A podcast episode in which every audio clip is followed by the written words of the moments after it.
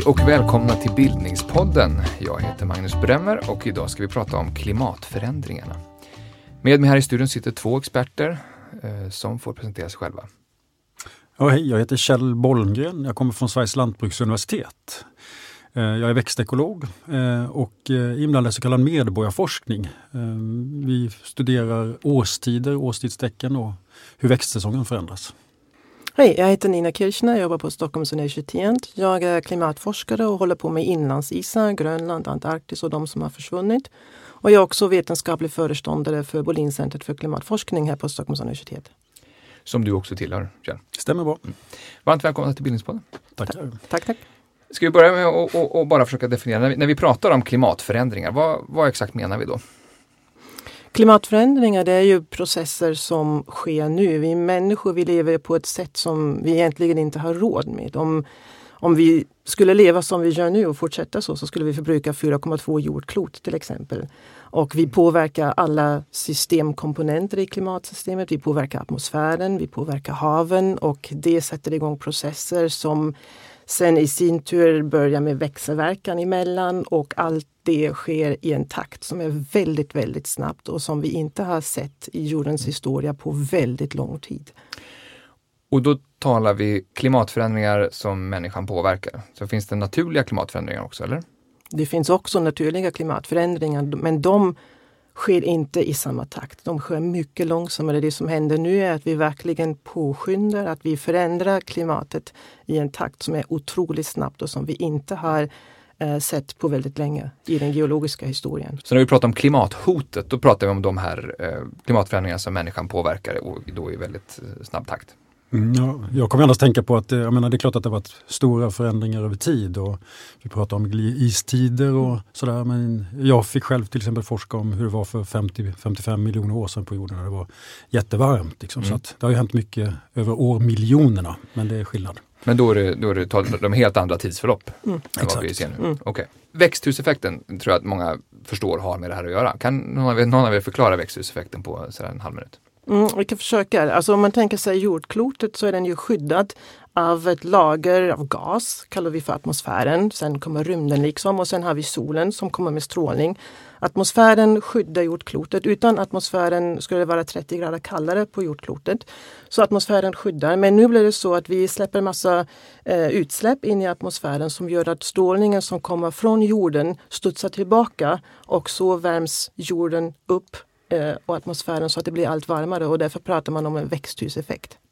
Att det fungerar ungefär som ett växthus? Yes. Mm. Ja, och så, samtidigt så brukar man ju säga nu att eh, växthusliknelsen är lite sådär faktiskt. Alltså att eh, ett växthus eh, så är det ju så att värmestrålningen åker faktiskt ut genom glaset på växthuset. Eh, till skillnad från atmosfären där det är just värmestrålningen som hålls kvar lite längre och studsar tillbaka och värmer jorden igen. Har du någon bättre metafor? Nej, jag tror att man får, man får alltså i växthuset är det luften som stannar kvar, den varma luften som stannar mm. kvar. Eh, men medan eh, på, på, jordens uppvärmning nu då har mer med värmestrålningen att göra. Så. Mm. Men effekten är, är ungefär likartad. Kan man säga vilka är de enskilda då mänskliga faktorerna som starkast bidrar till, till eh, växthuseffekten?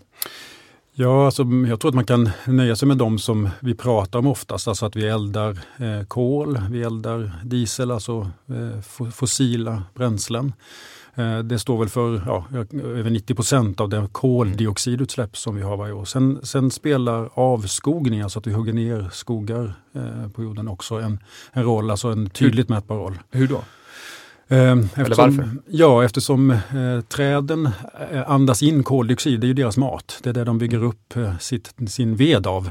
Eh, så ehm, eh, koldioxidet som finns i atmosfären andas växterna som sagt in och binder in i, i sina träd. Det betyder att om vi hugger ner dem eh, så kommer de att komma ut i atmosfären igen. Det beror lite på vad vi gör med träden men om vi eldar upp dem till exempel så kommer ju koldioxiden tillbaks ut i atmosfären igen.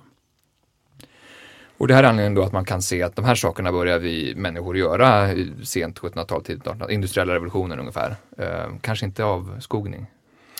Eh, den typen av storskalig avskogning som vi gör nu är, är ju industriell, så det är skillnad. Men vi har ju haft stora avskogningar förr. När vi, gruvindustrin expanderade i Sverige var ju en period när vi eldade upp väldigt mycket skog också till exempel. Och när, när talar vi då? Då skulle jag tro att vi pratar 1600 och 1700-tal mest. Ja. Men vi, vi har ju en skogslag sedan 100 år tillbaka som har gjort att vi ökar skogsmängden träd i Sverige idag. Men går, går det att säga bara någonting om hur, stor skillnaden är mellan de här naturliga eh, klimatförändringarna och de mänskliga? Alltså nu pratar vi, här pratar vi om 300-400 år och när det var istid och sånt så pratar vi flera tusentals år. Men, men eh, effekterna vi ser, eh, vad är det för skillnader? Mm.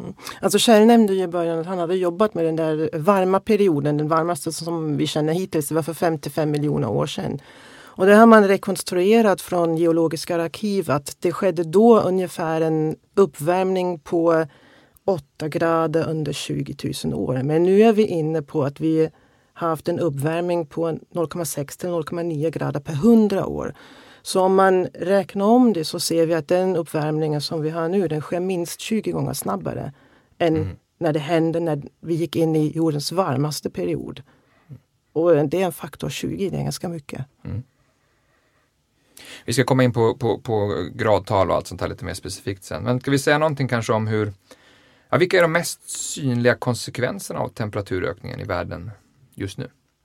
Vad ser vi i naturen? Ja, jag brukar säga att för oss människor så är ju just eh, vårtecken och sånt, alltså mm. hur det förändras, sånt som vi har runt omkring oss eh, som är lätt att se. Och, eh, kan du ge ett exempel där på? på ja, alltså jag, jag, jag, vet en del som har sina födelsedagar och när de växte upp så fick de eh, eh, väldigt sällan till exempel en viss typ av bukett eller de fick alltid en viss typ av bukett och nu kan den vara överblommad. Eh, sådär. Så att, det, här är, det här är inte en, liksom en, en, en trivial iakttagelse de klimatförändringarna. Det är som ibland framställs att man utgå från sitt eget liv och så. Det här är, det här är ett sätt som vi kan se att de här förändringarna som faktiskt sker. Ja, och det kan man väl säga att, att observera vårtecken är ju någonting som vi idag kanske tycker känns trivialt, eh, men, men som ju såklart går tillbaks på hela jordbruks och, lantbruk, eller eh, jordbruks och jägarsamhället. Så att, att följa med i naturens eh, årstidsskiftningar och veta när man ska göra olika saker under året har ju varit väsentlig kunskap för ja, människor, för den mänskliga kulturen och mm. jordbruk och, och, och, jakt som sagt. Men om en, en, en person i 90-årsåldern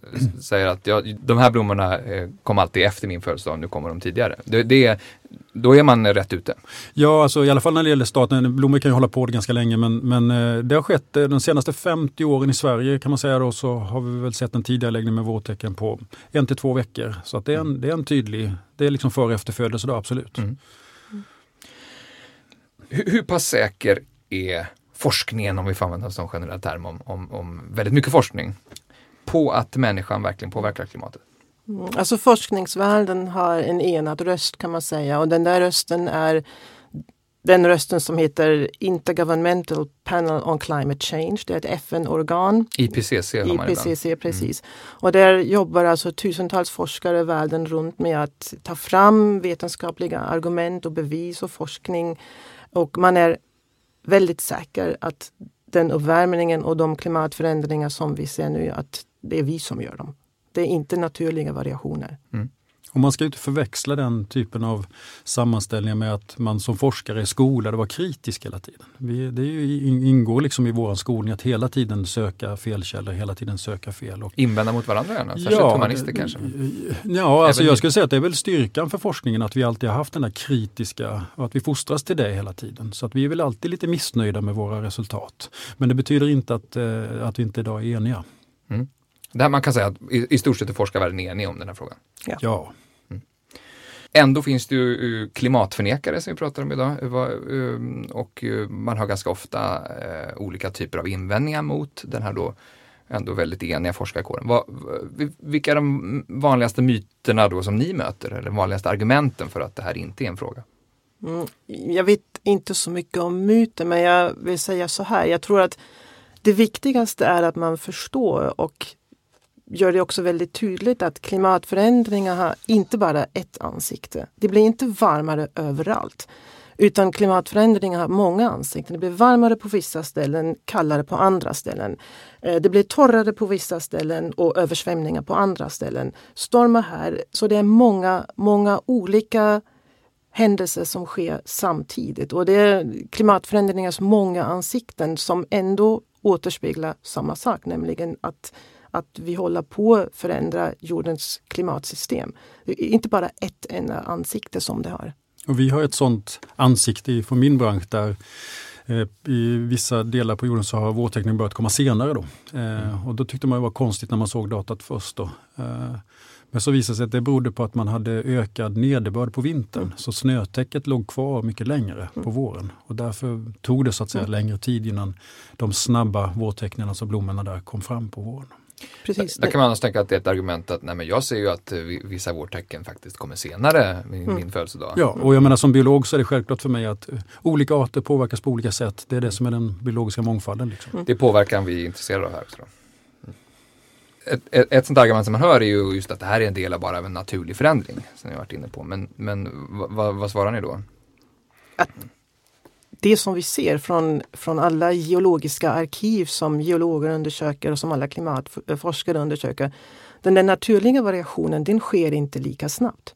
Eh, och det kan man bara upprepa. Vi håller på att förändra det hur snabbt som helst. Eh, snabbare än alla andra förändringsprocesser som vi har kunnat rekonstruera genom jordens historia. Och nu har vi haft tre år, de senaste tre åren var Eh, varje år var det varmaste hittills. Det började 2014 som var det varmaste året sedan man började mäta ordentligt för man hade riktiga termometrar bara 1880. Och sen var 2015 varmaste år och 2016 blev igen varmaste år i rad. Så mm.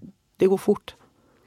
Och sen är det ju ändå så att, nu är inte jag klimatolog eller fysiker då, men, men eh, vad jag förstår så när man gör modeller där man försöker så att säga, återskapa det klimat vi har idag eh, för, via fys, fysikaliska fenomen så, så blir de modellerna mycket, mycket bättre när man lägger till den mänskliga faktorn eller koldioxidnivån då, så att säga, atmosfären. Tar man bort den så får man inte alls lika bra modeller. Hur, hur menar du då? Alltså, för att kunna eh, för att kunna förklara klimatförändringar så försöker man skapa någon slags modell, alltså en, en klimatmodell eh, som förklarar all den här variationen vi ser över tid. För vädret och klimatet varierar ju väldigt mycket. Då. Eh, och då bygger man modeller som har med hur atmosfären funkar, hur oceanerna funkar och så vidare. Liksom. Och bygger man de modellerna utan eh, koldioxid, den mänskliga koldioxideffekten, då fungerar de modellerna sämre mm. än om man tar med de effekterna. Om vi pratar lite historik, vad, när började det här, klimatförändringarna bli en fråga? Jag kanske kan svara genom att vi går tillbaka till IPCC. För de, mm. Eh, de skriver ju eller sammanställer rapporter.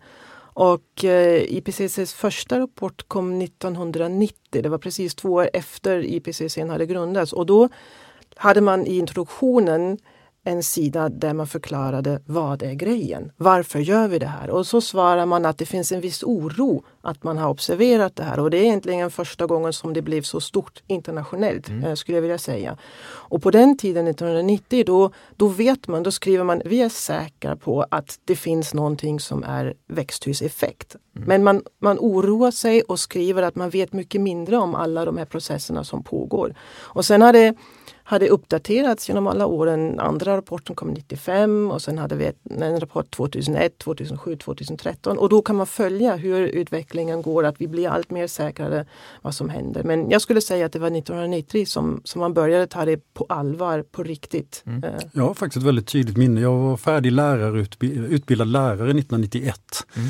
Och då när man gick eh, sin utbildning, alltså på 80-talet då, så var det mest försurning och den typen av frågor som präglade en, kemi och, en ja. kemi och biologilärares ja. utbildning. Men precis då när jag går klart min utbildning så kommer koldioxidfrågan. Och sen när jag studerar biologi 93-94 så skriver jag ett examensarbete där jag ska skriva hur jag påverkar en riksdagsman till att tro på klimatförändrings...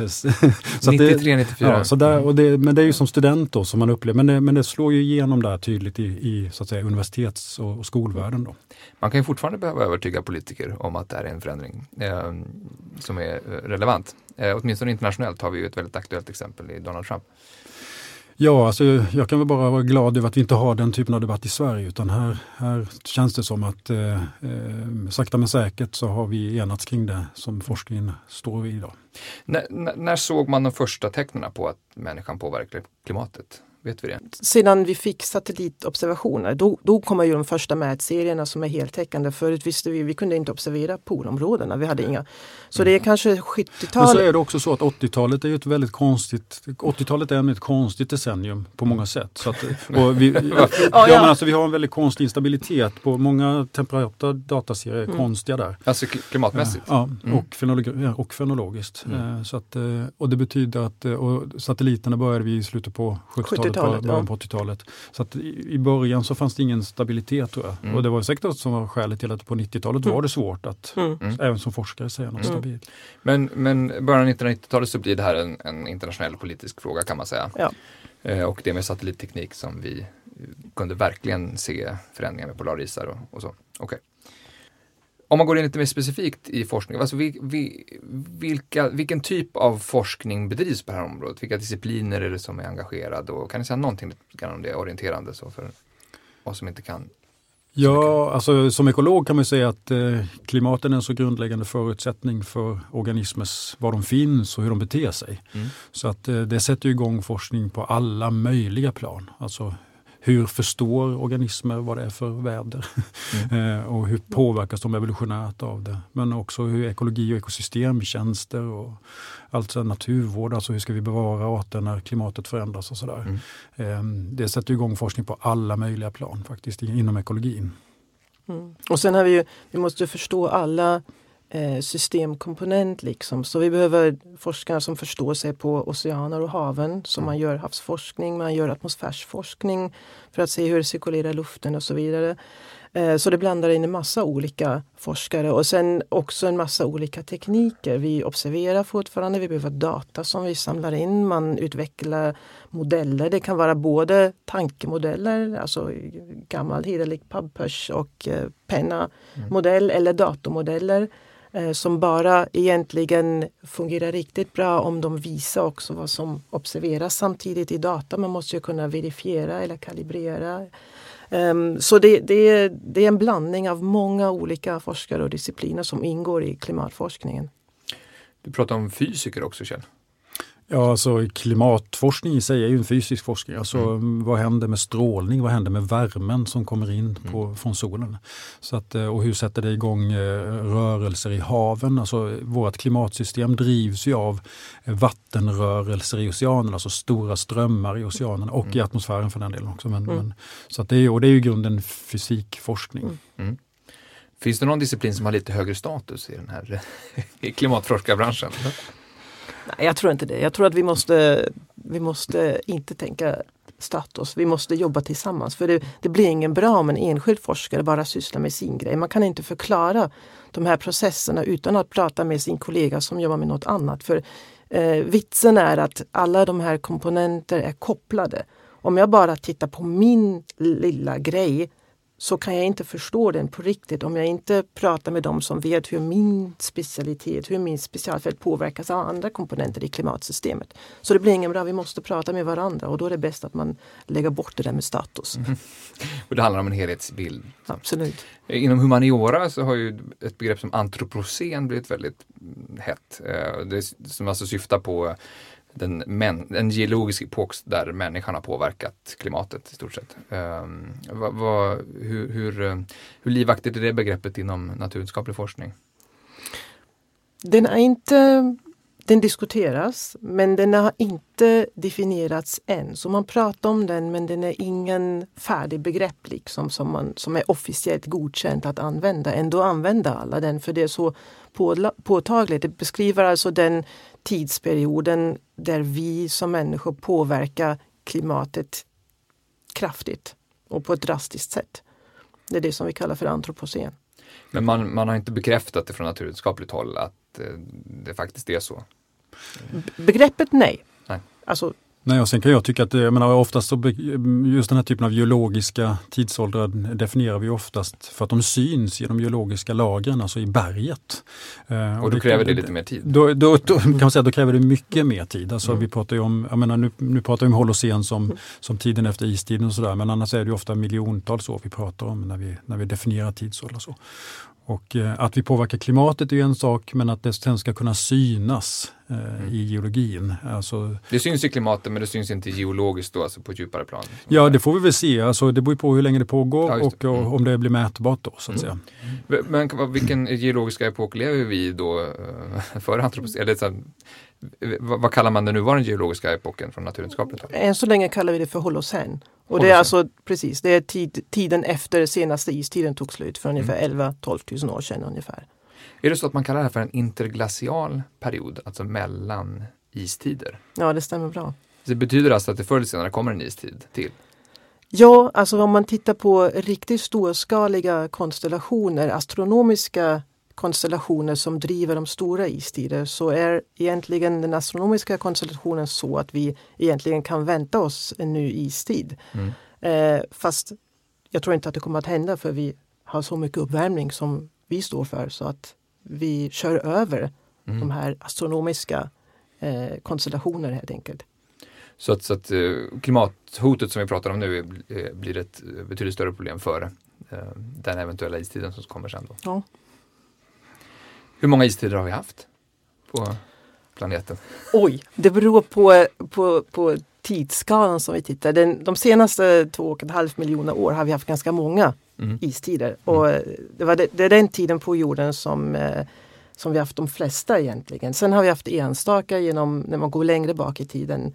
Eh, och sen har vi haft även för väldigt länge sedan en period där man tror att hela jordklotet var täckt med is. Det kallas för Snowball Earth. Snowball Earth. Snowball Earth. Mm. Um, så det har funnits istider hela tiden på mm. jordklotet. Jag tycker det, det, som är intressant med den här frågan tycker jag är att man, man sätter in dagens klimatförändring då i ett tidsperspektiv. Alltså var, varför ser vi den som ett problem? Alltså den här typen av tidsperspektiv som vi pratar om nu är ju helt ointressanta för oss som mänskligt samhälle idag. Mm. Även om jorden har förändrats över årmiljonerna, över 10 000, 100 000 år. Så idag, nu lever vi med 5, 10, 20 års perspektiv. Och vi, vi lever med en förändring som kommer påverka oss på ett drastiskt sätt det närmaste seklet. Mm. Alltså för våra barn och barnbarn så är detta en, någonting vi måste anpassa vår verksamhet till. Mm. Uh, så det gäller att göra sig liksom beredd för den, uh, hantera det. Uh, då är, även om så att säga, jorden har vad ska vi kalla det då, naturliga förändringar som inte har något med människans påverkan att göra. Så är det helt andra tidsperspektiv. Mm. Man pratar ju ofta om grad talsskillnader, alltså ett, en global medeltemperatur som höjs. Ofta ganska få grader. Kan ni förklara varför en sån liten gradtalsförändring gör så stor skillnad? Syftar du mot eh, målet att vi ska hålla uppvärmningen under två grader? Eller? Ja, eh, ja. det var väl ungefär det. Ja, det, det är ju så, de här gradtalen kommer ju från alla stora klimatmodeller som man räknar med och där man försöker förutsäga vad som kommer hända i framtiden. Och då kör man olika scenarier där man eh, låtsas hur snabbt det blir varmare i framtiden och så kollar man på effekterna. Mm. Och nu är det så att i de här modellerna då ser man om, om temperaturen ökar med mer än två grader så hamnar vi i ett läge där det finns betydligt högre risker för farliga konsekvenser och katastrofala förändringar än om vi håller oss under just en två graders uppvärmning. Mm. Så ökar, man, ökar vi temperaturen till mer än två grader så kan det leda till konsekvenser som vi inte kan som vi inte kan hantera längre och som vi inte kan ångra. Då kan det hända att havsisen försvinner för gott i norra ishavet. Det kan hända att permafrost eh, in, i Sibirien tinar upp för gott. Förklara vad permafrost är. Förresten. Permafrost är frusen mark. Mm. Eh, det är någonting som vi har ärvt från senaste istiden. Frusen mark, eh, då har vi permafrost. Om den tinar, den innehåller massa metangas oftast. Så om den marken tinar upp så släpps metangaset ut i luften och det är ju också ett växthusgas. Och så värms det upp ytterligare så man hamnar i en sån där feedback loop eh, som man inte kan kontrollera längre. Mm. Och därför rekommenderas eh, att vi håller oss under två graders uppvärmning. Mm. Eh, de förändringar vi har pratat om nu hittills, eh, kan vi ge någon slags eh, gradtalsindikation på hur, hur snabbt det har gått? Jag tror de senaste värden som, som står i, i senaste IPCC-rapporten, där står det att det var mellan 0,6 och 0,9 grader mellan 1905 och 2006, de senaste hundra åren. Alltså mm. nästan en grad. Mm. Och för det kan ju vara värt att påminna om att vi började mäta väder med instrument bara för 150 år sedan på mm. riktigt. Sådär. Alltså där mm. vi satte ut väderstationer och människor började gå och skriva upp på termometrar på ett ordnat sätt. I, i Sverige började det där 1859 tror jag mm. det var. Um, så att det är ju den tidsserien där vi känner stort förtroende för datat. Sen kan vi använda andra eh, ty typer av data eh, som går längre tillbaks i tiden. Eh, som man kan kalibrera med det. Då. Men, men eh, Eh, och jag, menar, jag tittar lite på svenska data också. Att, eh, det, det, är ju, som du sa innan Nina, så är det ju olika på olika delar av, olika delar av världen. Och IPCC har ju ofta satt eh, en siffra för hela världen.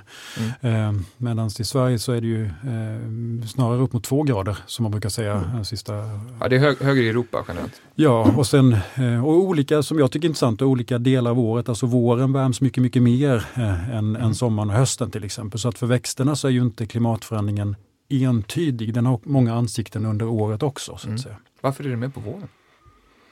Vet du det? Jag vet inte det. Eh... Då kan vi skippa det. Ja. Eh, men går du igenom en jämförelse, vad, alltså hur, hur stor eh, global medeltemperatursskillnad var det på senaste istiden?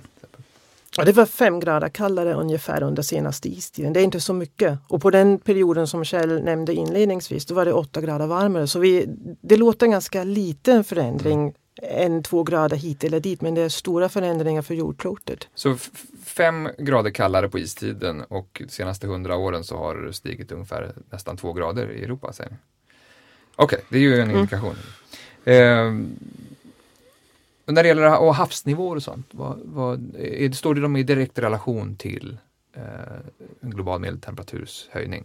Ja, havsnivåhöjningar, den största andelen därifrån kommer ju från att vattnet expanderar när det blir varmare. Mm. Så den stora andelen är inte från att inlandsisar kalvar och förlorar mass och att isen förs till haven. Den stora andelen är än så länge den termiska expansionen av vattnet. Termisk expansion av vattnet, det, det var det ja, som. Mm. precis. Och det blir, när det blir varmare tar det mer plats helt enkelt. Mm. Så därför stiger havsnivån. Men sen är det samtidigt så att haven tar upp ganska mycket av den eh, energin som Kjell nämnde i början, den strålningen som stannar kvar i atmosfären på grund av växthuseffekten. Så haven tar upp flesta Eh, det mesta av den här energin och då blir haven varmare och det leder till den här expansionen, att det tar mer volym, men det leder också till att alla glaciärer till exempel som mynnar i haven, när man tänker sig flytande glaciärtungor och så vidare, att de smälter bort underifrån, när vattnet kommer i kontakt med isen. Och sen kan det leda till instabiliteter i inlandsisen som vi inte riktigt förstår och har koll på hur det fungerar. Det här är, du är glaciolog, så det här är typ ditt forskningsområde? I närheten mm, ja, det stämmer bra. Ja. Vilka, är de, vilka förändringar har förvånat dig mest eller har, du, uh, har gjort starkast intryck på dig i din mm, forskning? Vi, vi ser ju att många glaciärer, när man tittar på Grönland nu eller på Svalbard där jag jobbar mycket, många glaciärer drar sig tillbaka ganska fort och de kalvar. Det betyder att när, de, när glaciärerna kommer ut till havet i en fjord Eh, Eh, så bryts det loss isberg vid deras front och det kan ske i en ganska snabb takt och sen drar sig glaciären tillbaka. Och då får vi naturligtvis, då transporterar vi liksom is från land till havs där det smälter och bidrar sen till havsnivåhöjningen. Men det är lite oroväckande för jag är på Svalbard nästan varje år. Vi åker tillbaka till samma platser och man ser med blotta ögat nu att de drar sig tillbaka, de här glaciärerna. Det går fort. Det är flera meter, det kan vara tiotals meter per år som, som det händer där och det är, det är inte bra. Mm.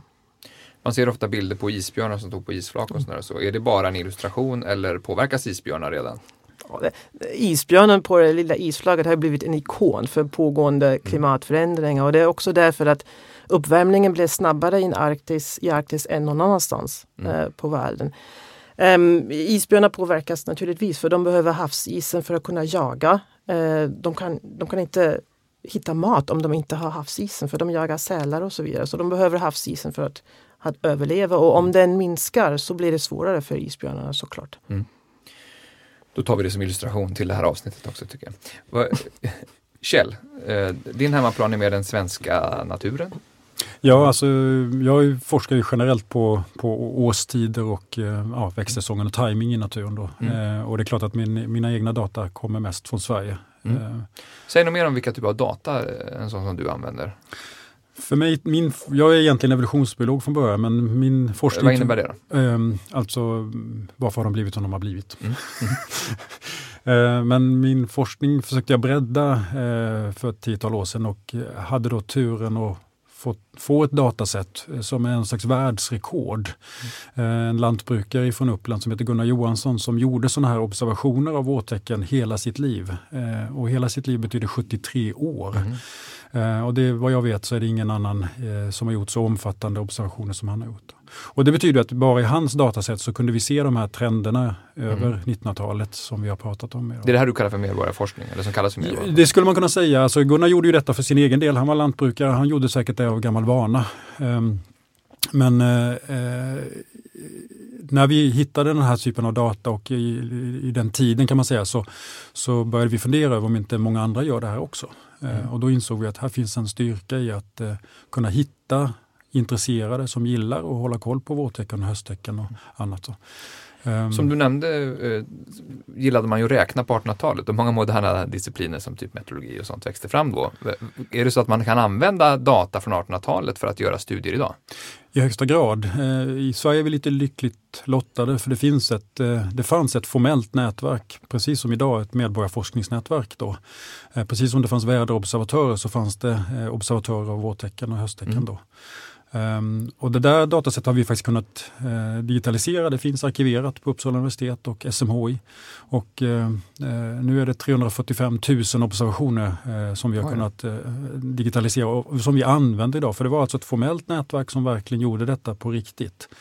Um, och därmed kan vi jämföra med det idag. Nu samarbetar vi ju internationellt så vi hittar ju liknande datasätt i andra delar av världen också. Men, men såg de skillnader redan då eller de bara, de bara registrerade det? Ja, det är intressant faktiskt. Vi har inte riktigt hittat något motiv till varför man gjorde detta annat än att man Eh, så att säga såg det som en del av meteorologin. Alltså vi, eh, termometrar var ju fortfarande något exklusivt på den tiden så kunde man, kunde man koppla ihop naturens beteende eller naturens fenologi då, med eh, termometrar så var det säkert en vinst i sig. Men när man skriver slutrapporterna så är det mer att vi har beskrivit landet. Så här mm. ser Sverige ut årstidsmässigt vid den här tiden. Det var ett, ett, liksom, ett egenvärde, fanns ett egenvärde i det? Absolut. Mm. Och det är säkert den här långa, vad ska jag kalla det, bondepraktikertraditionen som, mm. som vi lever kvar där. Det finns en amerikansk forskare som har, som har uh, använt sig av uh, Henry David Thoreau, poeten och ja, tänkarens uh, observationer ja. i naturen runt ja. sjön Walden. Ja, nej men, eh, och, och Thoreau har ju status i, i USA som, jag vet inte vad vi ska jämföra honom med, Linné eller något i Sverige då. Men det här är på 1800-talet ska jag säga. Det, just det, i slutet på 1800-talet. Han, eh, han är ju känd för att han bosatt sig i en stuga ute inne i skogen så där, och levde ett väldigt enkelt liv. Och han, eh, Flydde storstadens Just det, ja, ja. Och, och skrev då upp sådana här saker också.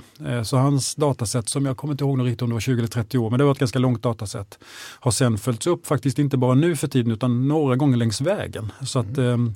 Eh, en doktorand tog sig an det där för tio år sedan och eh, började forska på det och sen har det lett till en liten, vad ska man säga, ja, det är en professor i Boston som håller på med det där. Mm. Mm. Jag tänkte bara, alltså, du sa att termometrar är exklusiva eller var exklusiva på den tiden. Och vi måste ju tänka på att om vi säger temperaturmätningar och termometrar så mäter vi på land egentligen. Men om vi tittar på jordklotet så är 70% täckt av haven. Mm. Och där kan vi i bästa fall mäta temperatur på ytan. Men det som vi behöver, det skulle vara temperaturer också på djupet. Så det, där, har vi, där har vi otroligt mycket att eh, utforska kvar. Vi vet inte riktigt hur det går till just nu i haven. Vi har inga mätningar därifrån. Det går inte att mäta alls vid havsbotten? Jo, det är dyrt. Mm. Allting som du gör under vatten är svårt. Ja, det bedrivs ingen medborgarforskning på, i havsdjupet? Nej, det, det, gör det inte naturligtvis. Och vi, har, vi har termometrar på ytan och så vidare på vissa ställen. Men, men egentligen jämfört med det som vi har från land eller landbaserat är det försvinnande lite som vi har och som mm. vi vet. Och i, all, i, all, i alla bedrifter att, att öka samverkan och så vidare och säga nu har vi konstaterat att klimatförändringar finns, nu kan vi sluta forska. Det är inte så. Vi vet tillräckligt. Vi vet fortfarande inte allting som vi behöver egentligen veta för att kunna göra prognoser ännu bättre. Vi vet att någonting sker men man, man vill veta mer om mekanismerna bakom och hur man kan Ja, och med ja. tanke på implikationerna, så det betyder så mycket för vårt samhälle så blir också efterfrågan att kunna förutse förändringar framöver då eh, viktiga. Och, alltså, trycket är ju stort. Eh, mm. Så att, att att förstå klimatet och hur det förändras så väl så att vi också vågar börja göra de här klimatscenarierna mer eller mindre noggranna då. Mm. Eh, framöver blir ju allt viktigare såklart. Vet vi att det blir mer stormar och översvämningar och sånt där? Den här typen av naturkatastrofer, är de vanligare också? Jag tror vi vet det. Mm. Eh, det blir, de blir vanligare men vi kan inte riktigt förutsäga på vilka ställen och så vidare. Det, det kopplar till det som jag sa tidigare att det har så många ansikten. Mm. Eh, det blir mer, fler stormar, fler översvämningar men det, det, är också extremt svårt att förutsäga exakt när och hur länge och med vilken intensitet. Jag har ett väldigt starkt minne från en, en forskare på SMHI som eh, pratade just om, om kraftiga, eh, kraftig nederbörd i Sverige. Eh, och då visar den en sån här graf då, som en illustration lite av hur forskare fungerar. Och ser ni trenden, och alla satt och nickade i publiken, vi såg ju trenden, men den är inte statistiskt signifikant. Alltså har den inte skett för en forskare. Alltså det var helt uppenbart att man såg att det ökade. Mm. Men rent statistiskt så var variationen mellan år så stor eh, och därmed vår förmåga att säga att det här faktiskt är en trend mm. statistiskt säkerställd. Eh, den, den, styrkan fanns inte i, i datat än. Ja, så då sa man inte det? Så säger man inte det. Nej. Så här jobbar ju forskare. Ja. Mm. Varför tror ni att eh, så pass många ändå idag eh, väljer att bortse från vad forskare säger i den här frågan och, och, och, mer gå på linjen att naturliga förändringar och det här är en konspiration eller så. För det första skulle jag ifrågasätta om det är så i Sverige. Alltså, mm. Jag upplever Sverige, och kanske även EU, alltså i Europa har vi idag ett väldigt, väldigt starkt stöd för det här. Ehm, visst stöter man på eh, personer som är kritiska eh, och skeptiska och, och, kanske till och med klimatförnekare eller vad man ska kalla det. Men, eh, och det går ju alltid att hitta enstaka studier eller enstaka frågor som fortfarande är obesvarade liksom, eller som pekar åt ett annat håll. Ehm, så jag tror väl det är det. Alltså det är en stor förändring som det här kan leda till. Det är en långsam förändring men det är också en förändring som kräver mycket investeringar. Eh, och det kan påverka enskilda människor i grunden. Ehm, eh, både ekonomiskt och mentalt så att säga. Så att, eh, det är klart att det finns ett motstånd mot förändring och då, det måste man hantera på ett bra sätt. Mm. Särskilt om den förändringen innebär att det blir lite obekvämare för oss. För vi har ju åstadkommit ganska stora förändringar, det som vi ibland kallar för disruptiva förändringar, alltså som typ katapulterar en till nästa nivå. Liksom. Eh, när man tänker när man övergick från, ja, men från, från hästar till bilar. Liksom. Eh, när man införde de första bilarna, det gick ju väldigt fort sen att alla plötsligt hade bil. Och sen har vi varit med om, om vissa förändringar där man först trodde att det här kommer aldrig att hända. Någon sa eh, det kommer aldrig behövas fler än fem datorer på jordklotet. Nu har vi fem datorer hemma typ var. Så vi har en förmåga att kunna åstadkomma sådana här disruptiva förändringar. Och det är precis det som vi måste göra nu. Men det kanske innebär för oss att det blir lite mindre bekväm. Men jag tänker också på, alltså om man nu tänker vad som provocerar då eller vad som är jobbigt att ta om Naturskyddsföreningen brukar säga biffen, bilen och bostaden tror jag. Alltså det är ju grundläggande. biffen, bilen, bostaden. Ja just det, men som vad man kan göra någonting åt. Mm. Och då när man säger så, och det, jag tror de har lagt till det här med semesterresor och flygresor och sånt. Det känns ju så här, ska man behöva hålla på med? Mm. Men, men då är det ju det är inte säkert att man behöver göra en sån här drastisk förändring heller. Jag brukar för min dotter berätta att när vi bytte bil för tio år sedan och nu med de här nya eh, dieselbränslena som finns, man kan diskutera om man ska köra med diesel, men i alla fall. Då gick vi, jag tror att vi har minskat, om jag minns rätt nu, eh, vi räknade ut det där, alltså eh, mellan 50 och 70 procent per mil. Bara genom att byta bil för tio år sedan.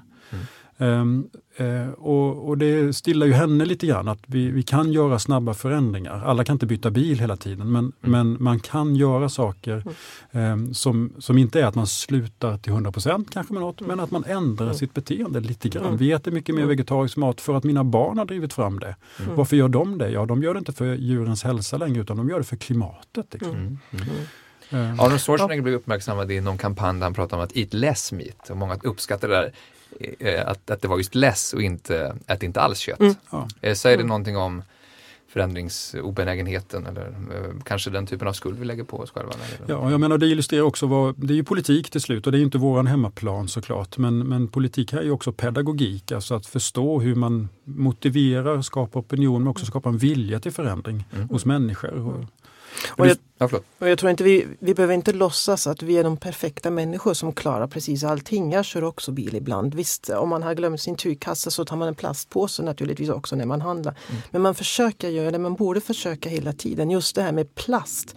Alltså jag var I somras var jag på en ögrupp norr om Svalbard, det ligger alltså mellan Svalbard och Nordpolen. Och så gick vi i land, som heter Seven Islands, Sjööarna.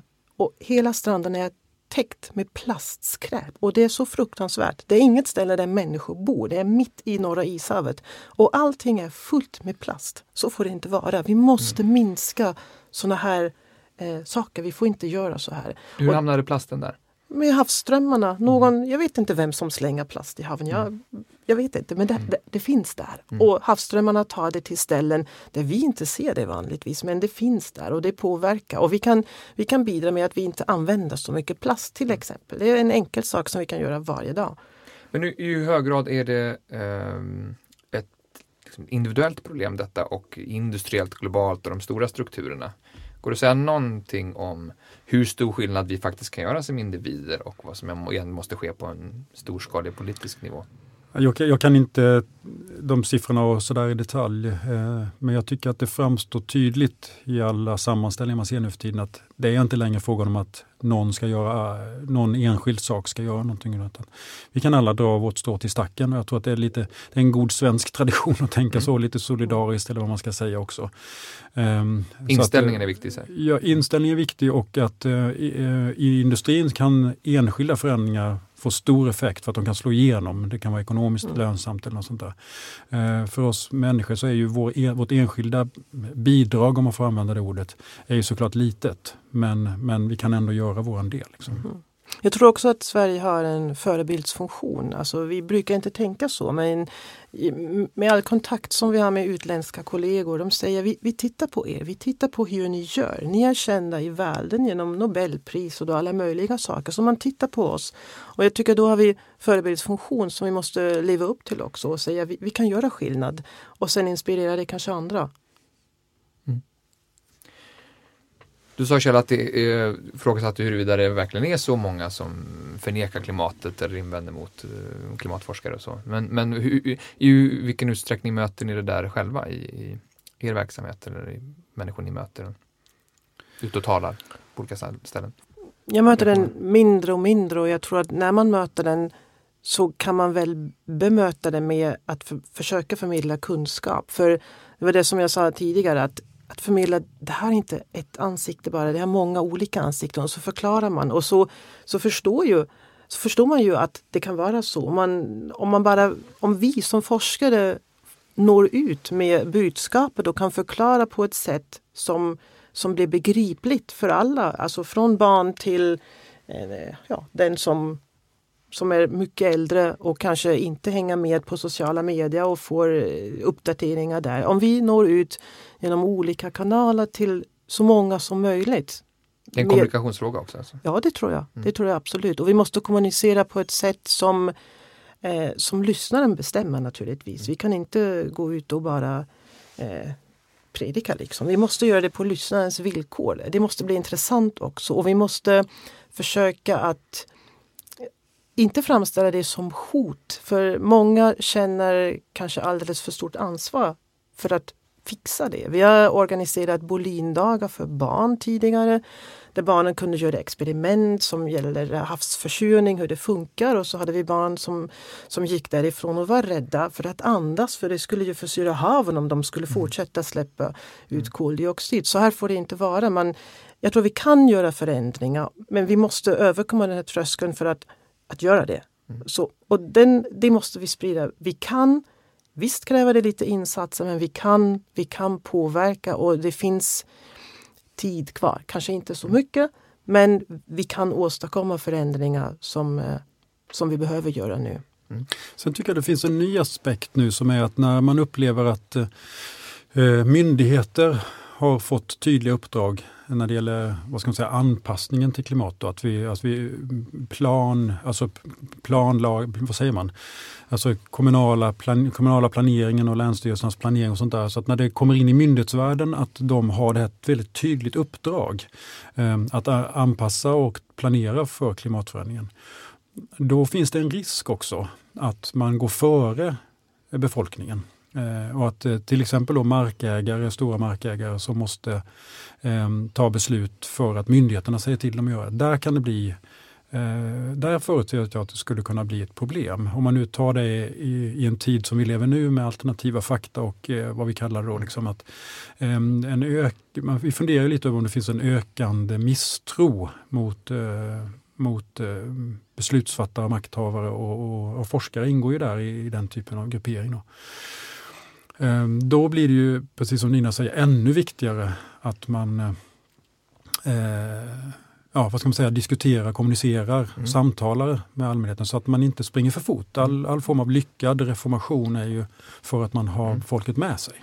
Och det är naturligtvis svårt att säga, är vi fler klimatförnekare idag än för ett x antal år sedan? Och så. Eh, samtidigt om man har en, en, en ny amerikansk president i vars administration innehåller flera tydliga klimatförnekare. Många lyssnare tror jag möter argumentet ganska ofta i sina sociala medieflöden och så. Vad skulle ni säga, vad ska man svara? Någon som säger att det här är bara en naturlig förändring. Eller det här är, det här är en konspiration. Eller, har ni några, några one-liners som man eh, med forskningen i ryggen kan använda sig av? Ja, att man hänvisar till IPCC-rapporten. Där står det det och det är forskarnas enad röst världen runt. Och då är det fastställt med ganska stor säkerhet att det är vi som påverkar det på det sättet och att det går fortare än vad det någonsin har gjort tidigare i jordens historia. Mm. Ja, jag tycker det, är man orolig för någonting så går man ju till någon som är eh, kompetent eller en auktoritet på området. Liksom. Om det gäller din egen hälsa eller om det gäller samhällets eller jordens hälsa så går man ju till där, där kompetensen finns. Och det är ju det som IP, har varit IPCCs roll, att försöka sammanställa kompetensen. Att man överhuvudtaget behövde en sån sak som IPCC beror ju såklart på att det är en sån viktig fråga, alltså som påverkar oss så mycket mm. i samhället och vår framtida planering. Um, hade, det, hade det handlat om något kirurgiskt ingrepp så låter man Socialstyrelsen ta beslutet. Det är våra auktoriteter i Sverige när det gäller medicinsk hälsa. Men här blev det en stor politisk fråga och då måste man göra på det här sättet. Men det är samma typ av process. Det är, no, det är något, något som oroar oss, något vi måste eh, förhålla oss till och anpassa oss till. Och då sammanställer vi eh, den kompetens som finns. Går det att säga ungefär hur klimatet kommer se ut med, alltså med nuvarande takt av allt sånt här eh, om 50-60 år? Kommer vi odla bordeauxviner eller liksom, vad kan ni ge någon form av prognos? Ja, jag kan ta några sådana exempel från min, mitt eget forskningsområde. Då. Det är precis, Bordeaux är ett bra exempel, nu kanske jag skulle ta champagne istället. Då. Alltså det områden som är definierade av att det växer en, en viss typ av gröda på en viss plats. Mm. Och eh, om vi nu tänker oss att klimatet förflyttar sig norrut eh, så kommer såklart de förhållanden som råder i Champagne då att, eh, att inte, Skåne. De kommer, så man brukar säga att Stockholm ska få Parisväder eller något sånt där om jag mm. minns rätt. Då. Det låter ju trevligt. Um, men uh, uh, om man tar ett svenskt perspektiv så kan vi säga att till exempel att vi får en kortare snöperiod. Eh, vi, vi pratar idag om att Skåne kanske har någon månads eh, förväntad snöperiod nu för tiden. Eh, I framtiden så kommer den sträcka sig ända upp till Umeå. Mm. Och vilket betyder för växter då som är vana att, alltså där vintern är den svåra perioden, hur klarar man vintern, hur överlever man liksom? Så kommer det ju förändras. att eh, De växter som gynnas av en mildare vinter kommer ju gynnas av ett sånt här klimat. Så det, och det kan nog bli ganska tydliga. Som forskare kan man vara lite cynisk och säga att det blir ett väldigt intressant studiesystem att följa den här förändringen. Då. Mm. Var, varför då? Eh, just för att eh, det är svårt ibland att förutsäga hur enskilda faktorer påverkar eh, var en art befinner sig och mm. kan finnas. Så att här får vi då en, en, en sekellång förändring som vi själva har startat mm. där vi kan följa ja, vad som händer. Nina, har du något från ditt forskningsfält, någon prognos? Mm, ja, man kanske kan eh, nämna havsisen här för eh, om man tittar på IPCC-scenarier så kan det ju mycket väl hända att Eh, havsisen i norra ishavet försvinner kanske om hundra år helt och hållet eller till en stor del. Och det har ju, det har ju stora konsekvenser, inte bara för isbjörnen som har blivit ikon för uppvärmningen, men utan, förutom det också för det har ekonomiska konsekvenser. Vi har inte pratat så mycket om, om ekonomiska konsekvenser men om havsisen försvinner i Arktis så öppnas ju nya handelsvägar. Och det är många som redan sitter i startgroparna för att kunna köra där och det blir enorma ekonomiska eh, förändringar där som, eh, som är ja, internationell politik egentligen som behöver diskuteras och det är förändringar som sker där. Eh, så det, då, då, kommer man in i andra områden som inte bara är vår forskning utan det blir politik och det blir ekonomi. Mm. Så det är kopplat. Det beror också på hur vi bemöter det här. Det finns fortfarande en chans att mm. med väldigt olika scenarier om 50-60 år beroende på hur vi agerar. Ja, absolut. ja, samtidigt som man ju ska vara tydlig med att det är en förändring som pågår och det är som, det är som en stor, stort hangarfartyg. Liksom. Man ja, det går inte att ställa om. Man, nej, man vänder inte och avbryter nej. inte direkt utan vi, vi måste parallellt med att vi bestämmer oss för att åtgärda det här problemet måste vi också parallellt lära oss mm. att leva med det mm. under en lång ja, tid framöver. Precis. För även om vi skulle om vi skulle komma ner till noll utsläpp nu så skulle vi behöva leva med klimatförändringar i flera hundra år till. För mm. jorden behöver en viss tid för att anpassa sig. Så den reagerar inte spontant på att vi skär ner alla utsläpp till noll. Så mm. betyder det inte att vi stannar omedelbart alla förändringar. Vi har redan gjort eh, tillräckligt med skada. Ja. För, för att eh, det ska... Ja, det, det tar tid att anpassa sig för, för jorden. Mm. Även om vi sänker alla utsläpp till noll, vilket är målet efter 2050. Till sist då, eh, om eh, man vill eh, bidra till din forskning och bli medborgarforskare Kjell, finns det något konkret sätt att göra det på? Absolut, så här i vårteckentid så kan man alltid gå in på naturenskalender.se som är vår hemsida. Där kan man rapportera in sina vårtecken helt mm. enkelt. Fint. Och förresten är vuxna och barn välkomna till Wolincentrets klimatfestival som äger rum i maj här på Stockholms universitets campus. Och det kan man läsa mer om på Bolin Centers hemsida. Vad bra, då lägger vi in länkar på hemsidan till både Naturens kalender och eh, Bolin Centers klimatdagar. Tusen tack eh, Nina Kirchner och Kjell Bolmgren för att ni ville vara med. Tackar. Tack. Tack också alla ni som har lyssnat. Gå in på bildningspodden.se och eh, lyssna på tidigare avsnitt. Ni kan också mejla bildningspodden su.se och önska framtida ämnen, eh, ställa frågor. Skriv nyhetsbrev i ämnesraden så får ni vårt nyhetsbrev också med information om mycket annat. Tack och hej! Du har lyssnat på Bildningspodden en podcast från humanistiska fakulteten vid Stockholms universitet, producerad av Magnus Bremmer och Claes Ekman. Podden spelas in på Språkstudion och tekniker är Kristin Eriksdotter Nordgren.